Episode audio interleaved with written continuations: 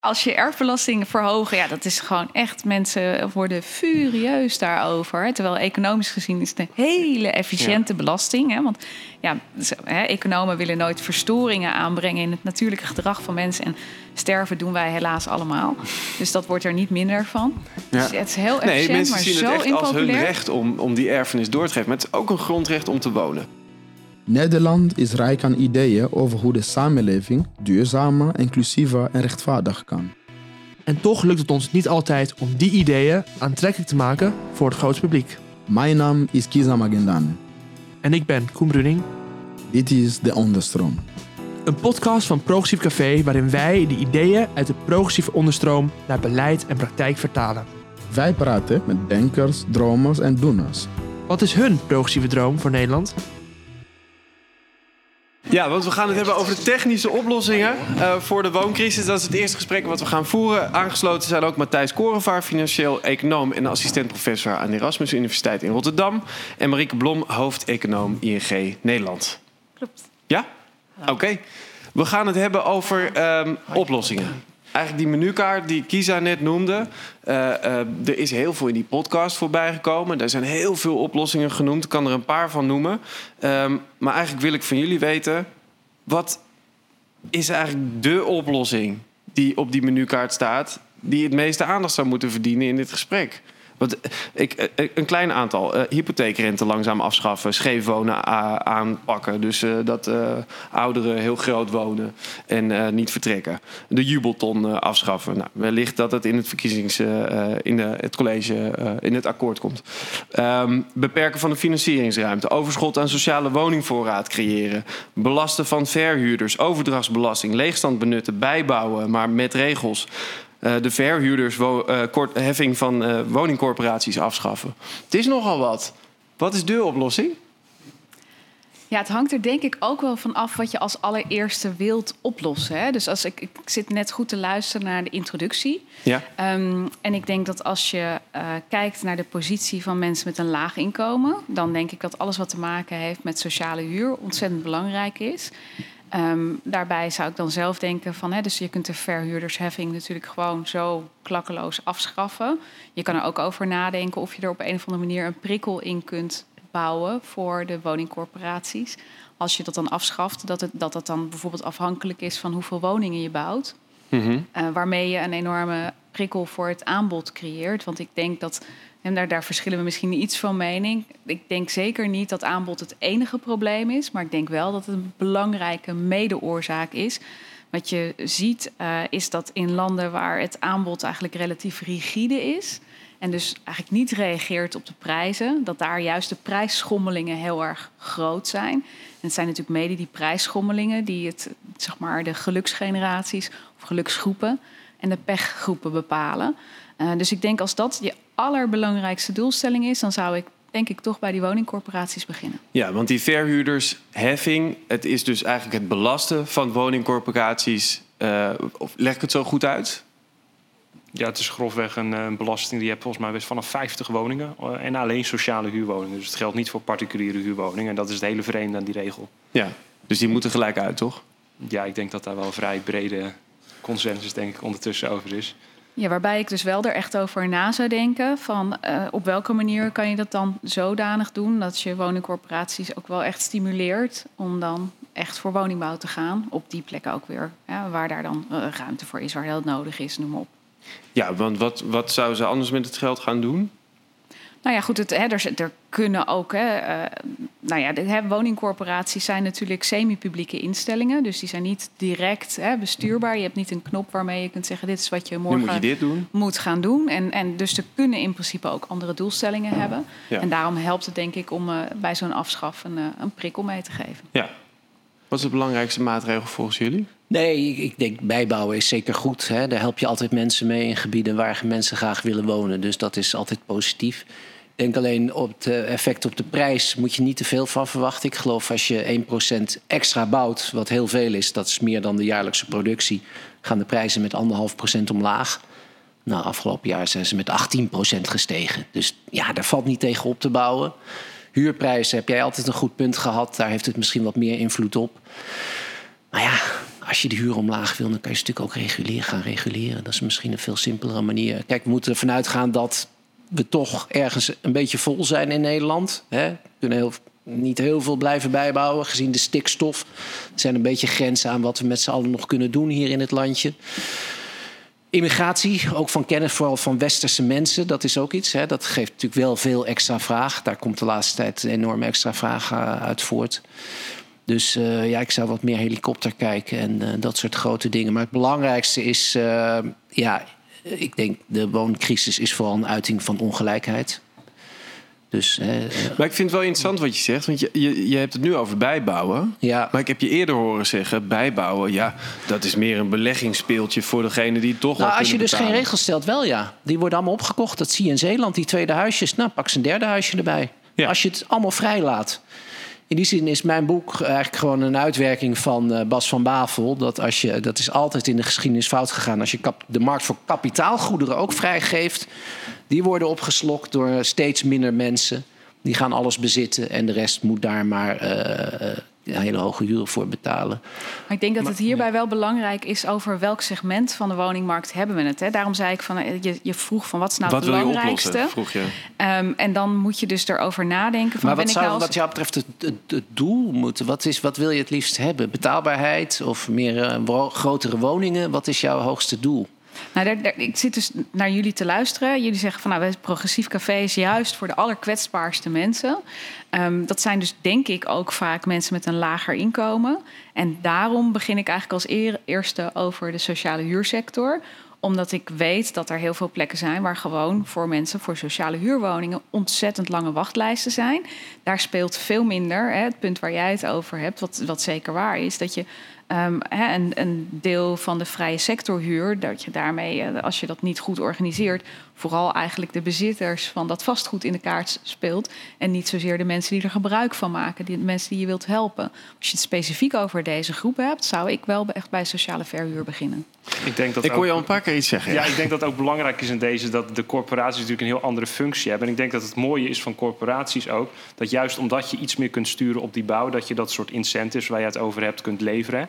Dat je bijvoorbeeld een korting verhuurderheffing als je wat meer bouwt. Dat het juist ook instanties kunnen zijn die kunnen blijven bouwen als het bijvoorbeeld economisch even wat minder gaat. Um, en het andere is, ik denk dat we hebben afgesproken natuurlijk in Nederland dat het hele idee dat we die sociale huur hebben, is omdat we niet die markthuren willen. Hè? Omdat op sommige plekken dat, dat leidt tot absurd hoge huren. Nou, dat betekent wel altijd natuurlijk dat er altijd meer vraag is naar dat soort woningen, dat er aanbod zijn. Hè? Kijk, in, in, in Amsterdam hier zijn de wachtrijen volgens mij een jaar of 10, 15 uit mijn hoofd. Uh, kijk, dat ga je natuurlijk. De enige middel om dat korter te maken is meer van die woningen bijbouwen. Want je mag maar als huishouden maar één sociale huurwoning hebben. En ik denk inderdaad dat ik het daarmee eens ben dat dat zeker aan de onderkant van de markt. Kijk, ik bedoel, ik heb zelf een poosje in, uh, in de Tarwewijk gewoond. Nou, dat is echt in Rotterdam. Nou, dat is een wijk met particuliere huur, maar ook heel veel armoede. Ja, dat zijn gewoon woningen. Uh, kijk, ik had een mooie woning, want ik heb natuurlijk, ben gezegend met een, met een mooie baan. Maar boven mij uh, was een bovenwoning. Nou, die zag er een stuk minder aantrekkelijk uit. En ik denk dat juist voor die mensen die ook extra kwetsbaar zijn, dat we denk ik daar dat prachtige sociale huursysteem voor hebben. En ik denk dat je die wel helpt met meer woningen. Ik denk dat we het hebben over ongelijkheid en vermogens. Dat we dan vooral moeten kijken, is de kloof tussen het bezitten van een woning en het huren van een woning niet te groot geworden? En wat doen we daar als land aan? Want nu is het vooral dat het prettig is om een eigen woning te bezitten. En iedereen in Nederland heeft nog steeds het idee... zodra ik een woning kan kopen, dan doe ik dat. Ja, maar ja, daar dat, help je dat, niet de allerarmste mee natuurlijk. Dat is het dominante beeld. Ja. Als, als het kan, moet je kopen. Want anders ben je dief van je eigen portemonnee. Uh, betaal je uh, 1500 euro per maand uh, aan huur. En ja. reken maar uit wat je dat per jaar kost. En ga maar, eens, ga maar eens nadenken over wat het je op zou leveren... als je dat allemaal in een woning zou stoppen. Ja. Uh, het is de snelste manier van rijk worden. Ja, dat, dat is, vind ik zelf ook heel interessant aan deze discussie. Dat ik ook heel veel mensen zie die dus hier heel boos en gefrustreerd over zijn. Eigenlijk vooral omdat ze willen dat bijvoorbeeld hun kinderen, die het op zich gewoon hartstikke goed hebben, ja. dat die ook toegang krijgen tot deze manier van vermogen van vergaren, rijk worden. van rijk worden. Ja. En, en daarom zit ik hè, met jullie mee te denken van ja, maar je wilt dus misschien hier eigenlijk niet primair een oplossing voor die groep mensen zodat zij ook rijk kunnen worden. Je wilt eigenlijk erover nadenken van ja, wat kunnen we nou doen om de kwetsbaarste groepen te helpen. En overigens, daarbij helpt het wel degelijk hoe je belast. eh, dus wat is, wat is nu het geval? Als je een woning hebt, dan is dat vermogen wat in die woning zit. Daar betaal je eigenlijk geen belasting op. Eh, terwijl als je spaart en je bent huurder, dan betaal je wel belasting op je vermogen hè, boven een bepaald bedrag. En eh, dat is eigenlijk een hele ongelijke manier om dat te doen. Daarnaast heb je nog de hypotheekrenteaftrek bijvoorbeeld. En wat dat betekent is dat eigenlijk iedereen veel te veel belasting betaalt op zijn inkomsten uit arbeid bijvoorbeeld. Ja. Uh, want omdat er zo weinig belasting wordt betaald door een specifieke groep met een specifiek type vermogen, ja, moet er meer belasting betaald worden door iedereen die, die uh, gewoon werkt. En ik denk dat dat wel, hè, zeg maar, als je gewoon puur naar de, maar de inkomstenkant kijkt of naar, de, naar gewoon hoeveel geld je hebt, ja. daarmee kun je wel degelijk, hè, als je daar in één keer zo'n knop op zou zetten, kan je enorm herverdelen. Dus en dat, kan je ook dat de gaat om, om, om het belasten van het vermogen van de huiseigenaar uh, en het uh, belasten van de verhuurinkomsten. Als je het verhuurt. Ja, bijvoorbeeld. Ja. En je zou ook nog erover na kunnen denken. Sommige landen hebben dat. Hè, die uh, kijken er uh, op het moment dat je je woning weer verkoopt. En dat is voor een hoger bedrag, min, min een aantal kosten bijvoorbeeld. Dat je ook nog op de uh, waardestijging dan ook een, nog op dat rendement moet betalen. Ja. Nou, dat zijn allemaal belastingen die in Nederland woningeigenaren niet betalen. En dat heeft dus nogmaals als gevolg dat we eigenlijk op een andere manier allemaal meer belasting betalen. Ja, ja. Hans, je hebt, ja. Een, je hebt een bijzondere positie. Hè? Want jij, jij zegt, ja, ik, ik, ging niet een eigen huis kopen... maar ik heb wel beleggingsobjecten gekocht. Ja, en als verhuurder... Uh, dat klopt, ja. nou ja, dat was uh, zo begon. Ik begon met een achterflap. Ik, ik, was helemaal niet van plan om een boek te schrijven. En dat klonk wel aardig. En het heeft geholpen, want daarom zit ik hier nu. Ja. Maar het is verder niet. Ja, het is ook een beetje relevant, maar niet super relevant, denk ik. En ik wil niet voor jullie spreken, maar ik denk als je progressief bent. Ik weet niet of we het echt alleen over de allerarmsten moeten hebben. Want ik denk juist wat je zegt, de maatschappij is geheel, daar zit de rem op doordat die vermogensverhoudingen zo scheef zijn, doordat die belasting zo enorm inefficiënt is. En ik zou denken, uh, ook de mensen die nu kijken, die willen misschien ook een woning kopen. Oké, okay, dat zou, hè, huren zou net zo aantrekkelijk moeten zijn als kopen. Dat is denk ik volgens mij één ding wat ze Zodat moeten het willen. een keuze is? Dat het een vrije keuze is. Ja. Dat zou een enorme opluchting voor een hoop mensen zijn. En de arbeidsmobiliteit vergroten. Nou, als je dan een keer tegen de 40 bent, dan wil je misschien toch kopen. Nou, dat kan je dan gaan doen. En dan moeten we zorgen dat het wat egaler is. Dat niet de doorstromers die al 15 jaar uh, doorgestroomd zijn, die enorme overwinsten hebben. Dus het mes snijdt aan twee kanten. Dan wordt het ook wat makkelijker om te gaan kopen. Omdat, ja, ik denk de voornaamste bron van financiering voor mensen is nu... nou, ik weet de verhouding niet. De hypotheek is belangrijk. Maar vooral ook het geld uit doorstromen. Het punt is nu, hoe hoger de huizenprijzen zijn... hoe meer mensen kunnen betalen van hun eigen vorige woning... en of die van hun ouders. En dat is helemaal een risico dat het natuurlijk op generaties gaat overslaan... dat je echt twee kastes krijgt. Dat is mijn angst. Dus we moeten, dat klinkt heel lullig... maar moeten dat geld, wat echt door pure waardestijging... door de rentedaling is... ja, dat moeten we echt herverdelen, afpakken...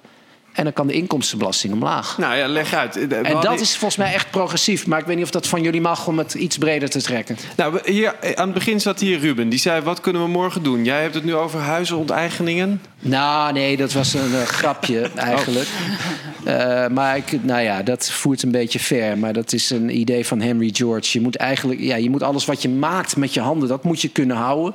Maar je moet eigenlijk niet de grond onder iemand anders voeten kunnen bezitten. Dat is eigenlijk best wel raar. Dan ga je toch een beetje richting slavernij of horigheid. Ja. Dat gaat ver. Uh, wat was je vraag ook weer?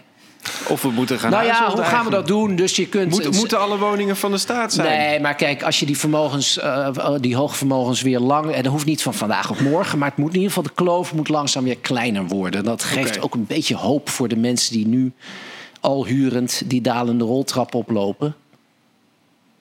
Ja, dat is hem. Ja? Want je komt, er niet, je komt nooit boven. maar als je ziet, oké, okay, het wordt nu als koper ook wat lastiger. Die mensen moeten ook gaan betalen. Huurprijzen worden misschien gereguleerd. Dus er is een puntensysteem wat helemaal doorloopt. Dus daarom vind ik dat onderscheid sociaal en de rest, ja, lastig. Um, dan geeft het in ieder geval weer hoop. Ik denk, ik denk wel het belangrijkste dat nee, het is duidelijk gewoon dat in Nederland die verschillen echt heel groot zijn. Ik bedoel, zelfs een extreem kapitalistisch liberaal land als de Verenigde Staten. Nou ja, je betaalt gemiddeld daar 1% van de woningwaarde aan property tax per jaar, dus aan vastgoedbelasting. Dat wordt daar wel wat anders ingezet dan hier. Nou, neem bijvoorbeeld Zwitserland. Uh, daar heb je zo'n uh, belasting op overwaarde op woningen als je verkoopt, volgens mij 30%. Nou, daar zie je bijvoorbeeld, nou, ik ken Zwitserse collega's, ja, heel veel huren gewoon. Die, Ja. zijn gewoon, die hebben een prachtige baan. Eh, omdat het is daar gewoon niet zo rendabel eh, om te kopen. En ik denk dat dat ook heel veel van die sociale druk om aan een koopwoning te hebben... en het gevoel dat je buiten de boot valt, wat jij heel mooi beschrijft in het boek... dat dat ook al een beetje weggenomen wordt met die maatregelen. En dat de sociale druk omtrent de woningproblematiek wat minder wordt. Nou, dat is natuurlijk voor de samenleving als geheel inderdaad. En voor die onderkant, dat is denk ik, daar ben ik het helemaal met Marieke eens... wat betreft dat, dat je daar vooral naar de sociale huur moet kijken... en hoe je dat weer toegankelijk kunt maken. Want nu, dat, dat is het heel erg... Kijk, het is, het is denk ik niet een vraag van eh, puur en alleen betaalbaarheid. Het- Maar het is vooral dat nu de mensen, als je in de sociale huur zit, die, die, die neemt af. Dat is nog steeds redelijk- behoorlijk betaalbaar ten opzichte van de markt. Maar het is zoveel moeilijker toegankelijk dat de verschillen. Het ook wordt steeds de- schaarser. Ja, maar dus ook de mensen die net wel daarin vallen en de mensen die daar niet, net niet binnenvallen, daar zitten enorme verschillen tussen. Ja. De Dat mensen is die het. net wel een koopwoning hebben en die net niet hebben, daar zitten de verschillen tussen. Maar wat is daarvoor de oplossing dan? Want ik hoor jou in een van die podcasts zeggen... volgens mij moet je eh, enorm veel sociale huurwoningvoorraad gaan opbouwen... zodat er eigenlijk veel te veel is.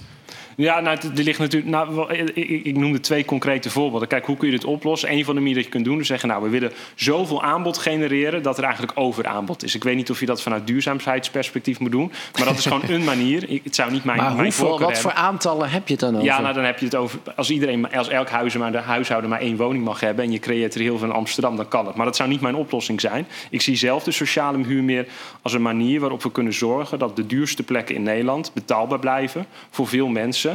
Eh, Want uiteindelijk is het altijd dat je daar toch even voor in de wachtrij moet staan. Ik denk vooral dat we moeten zorgen dat het alternatief dat dat ook fatsoenlijk is. Want het, het- in Amsterdam kan niet iedereen, hoe je het ook wendt of keert, een sociale huurwoning gaan hebben op een centrale plek. Die vraag is altijd hoger dan. Dat, dat gaat gewoon niet lukken. Daar kun je niet bijbouwen. Dus ik denk ook Met dat. andere woorden, die wachtlijst, die, die, of het nou 10 of 20 jaar is... eh, eh, die is verklaarbaar en dat is zo. Nou ja, hoe groot die is, hè, des te groter het verschil wordt. Op het moment dat je dat die sociale huur heel schaars maakt, maar er komt ook geen alternatief aanbod bij, dan moet je gewoon steeds langer wachten. Hè, als er meer mensen komen voor dezelfde huizen en die mensen blijven ook nog eens langer zitten, ja, dan moet je gewoon heel lang wachten. Dus dat is de enige oplossing meer aanbod. Maar uiteindelijk is het ook. Kijk, sociale huur, ik denk dat het voordeel is dat je zit daar beschermd. Hè, want je die huur mag niet eh, zomaar om, omhoog en omlaag.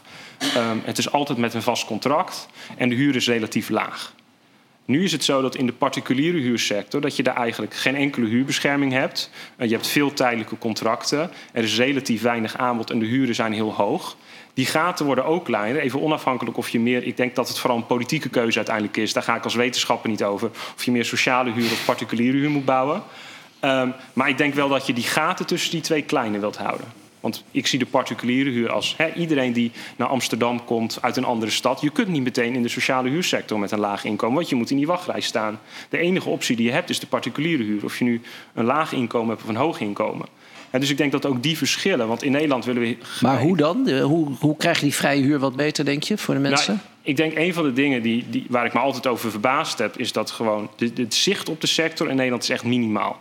Ik heb zelf onderzoek gedaan, nou, dat noemde ik ook in de podcast. Ik kan voor Parijs 19e eeuw elk huurcontract uitvogelen. Voor Nederland kan ik bijna niks vinden.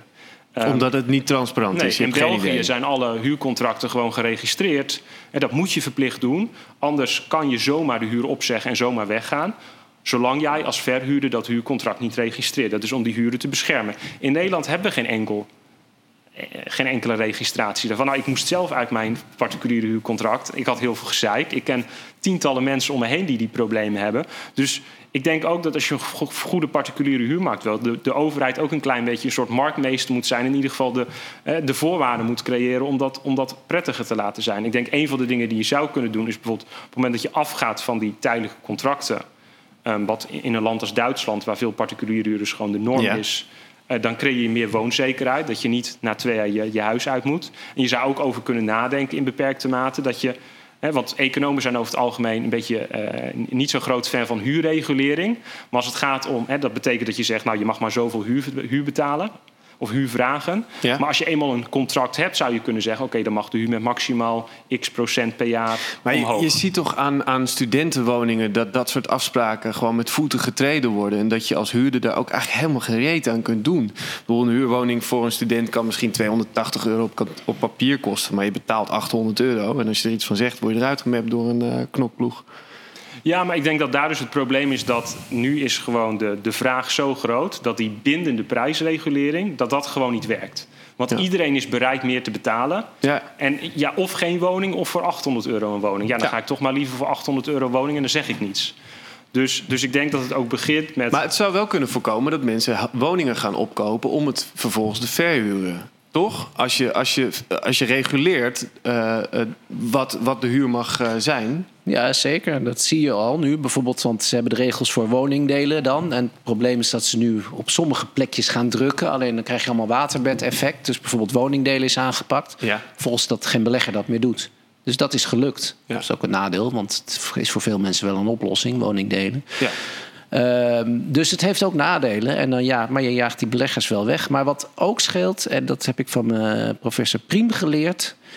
is als je heel erg naar de stad kijkt, zie je een tekort. Maar ik noemde die tweede huisjes in Zeeland. Er zijn heel Ja. veel mensen die ook perifeer graag wat, wat betaalbaar... het liefst bij het station willen wonen bijvoorbeeld. Ik reed laatst langs station Emmen volgens mij. Nou, het is een woestijn. Er is helemaal niks. Daar kan je toch allemaal dingen omheen bouwen die betaalbaar zijn voor de mensen ook.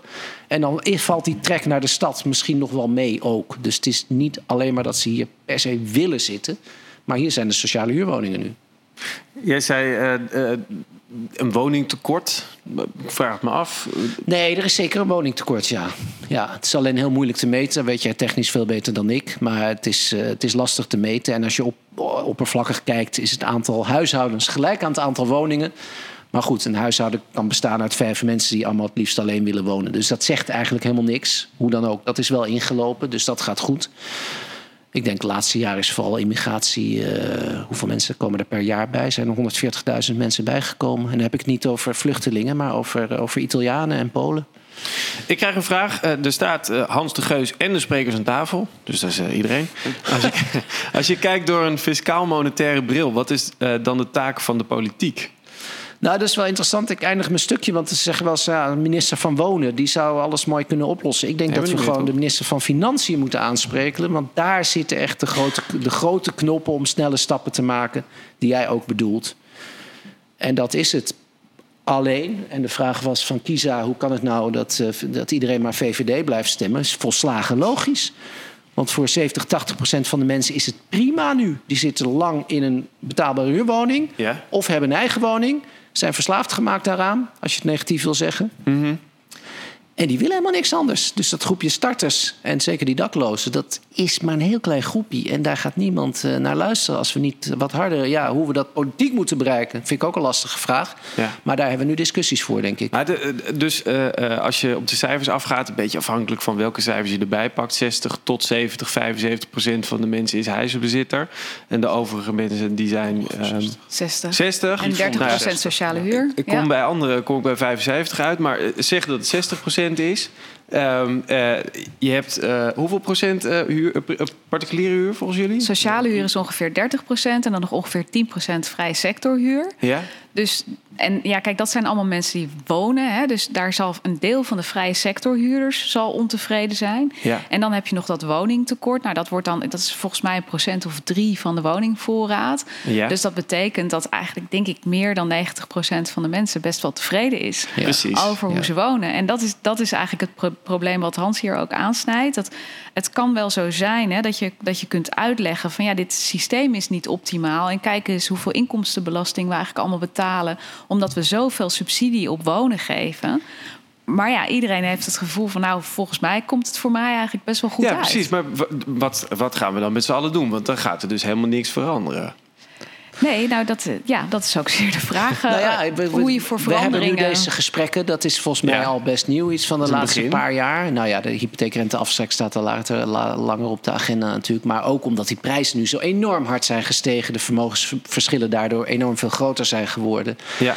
Is het nu, eh, loopt het wel erg in de, in de kieren allemaal, denk ik, toch? Daar zijn we het wel over Nou, wat, eens. wat ik me zou kunnen voorstellen is dat we hebben natuurlijk... tenminste, ik kan ook nog wel heel goed het gevoel herinneren van onder water staan. ja, Eh, want nee, ik maar had een, huis ja. gekocht ongeveer in 2008. En ik denk dat dat eigenlijk ook bij heel veel woningeigenaren nu nog speelt. Ehm, die kennen nog heel erg het gevoel van... ja, dat kan wel zo zijn dat ik nu heel veel vermogenswinst heb gehaald op mijn woning... maar ik heb ook heel veel stress gehad hierover. Want en het je, had ook best wel hypotheek eens heel was te anders kunnen duur gaan. voor de waarde van je huis, reëel op dat moment. Precies, ja, gewoon echt duidelijk een hogere hypotheek dan wat je huis waard was. En ik kan Ja. me echt nog herinneren het moment dat iemand hè, ons huis taxeerde op 30.000 euro minder dan wij er een hypotheek voor hadden. En dat is gewoon zo'n intens naar gevoel. Ehm, en, en, en omdat ik dacht eraan, omdat Hans zegt over al die prijsstijgingen die je nu ziet. Ik denk dat het misschien wel zo is dat pas op het moment dat mensen echt zich een beetje veilig voelen. Hè, dus op het moment dat woningeigenaren zich een beetje veilig voelen. Of misschien zelfs zo veilig dat het wat ongemakkelijk begint te voelen. Dat dat het moment is waarop misschien wat breder de draagvlak is. Voordat er misschien wel iets zou moeten veranderen. Eh, want ik denk eigenlijk dat in de afgelopen jaren heel veel mensen het gevoel hadden van zo, nou ben ik eindelijk van die eh, stress af die ik eh, zo ontzettend had, hard had tussen 2008 en 2013. Ik, ik denk dat het ook wel cruciaal is, als, als ik nog mag. Ja, geen gang. Nee, dat, dat, dat we juist dit soort maatregelen, hè, als we het hebben over belasten, maar ook als we het hebben over dat mensen wat minder mogen lenen, dat het en die stress wegneemt en die huizenmarkt wat verder stabiliseert. Want kijk, wat je zegt, volgens mij was het gewoon dat mensen die onder water stonden, die hadden gewoon een 80% lagere kans dat om te verhuizen. Dus 80% van die mensen die wilden gewoon niet meer verhuizen, want die zaten met die restschuld. Nou ja, en, en dat is een verschrikkelijk gevoel dat je vastzit in je eigen woning. Ehm, en ik denk dat juist daarom, hè, dat is misschien ook juist nodig om draagvlak te creëren. Dat als mensen die ervaring hebben, Ja. dat je juist op die manier kunt zeggen. En het andere is denk ik ook dat over heel veel van deze dingen, nou ik denk dat we daar bijna allemaal over eens zijn over die financiële factoren. Hè, die, die bijdragen aan die woningmarkt. Dat, je, dat dat ook het idee is dat als we dat fatsoenlijk belasten, als we fatsoenlijk lenen, dat die opbrengsten daarvan, dat we die kunnen gebruiken op een manier die iedereen ten goede komt. Je gaat nooit iedereen 100% tevreden kunnen maken. Maar het idee is juist dat met die opbrengsten misschien iets aan de onderkant kunnen doen. Eh, En alle Ja, mensen. voor iedereen. Ja, Dus het is heel liberaal in Ja. feite. Ja. Progressief liberaal, alleen niet conservatief liberaal. En dat is de, de molen waar we nu in zitten natuurlijk. jouw woord voor neoliberaal, Het was, toch? ja. het is Ehm, trouwens wel, ja, mensen zijn toen geschrokken. Maar ja, dat was dan ook wel de ergste financiële crisis in 80 jaar. Hè. Dus zo heel snel zal het niet gebeuren. Maar het komt juist omdat we zo. Want je kocht toen eigenlijk al onder water. Hè. Je begon dan met een LTV van 120. ja. Dus je, dat was wel een heel grote kans dat het bij enige tegenslag al mis zou gaan. Ik wil er een Maar nieuwe één vraag één gooien. dingetje nog, want ik Ja? vind dus die groep ondervertegenwoordigers... vandaar dat ik nu met Jasper, Jasper Dupont bedacht heb... nou, want aan tafel bij nieuwe wetsvoorstellen zitten de verhuurders...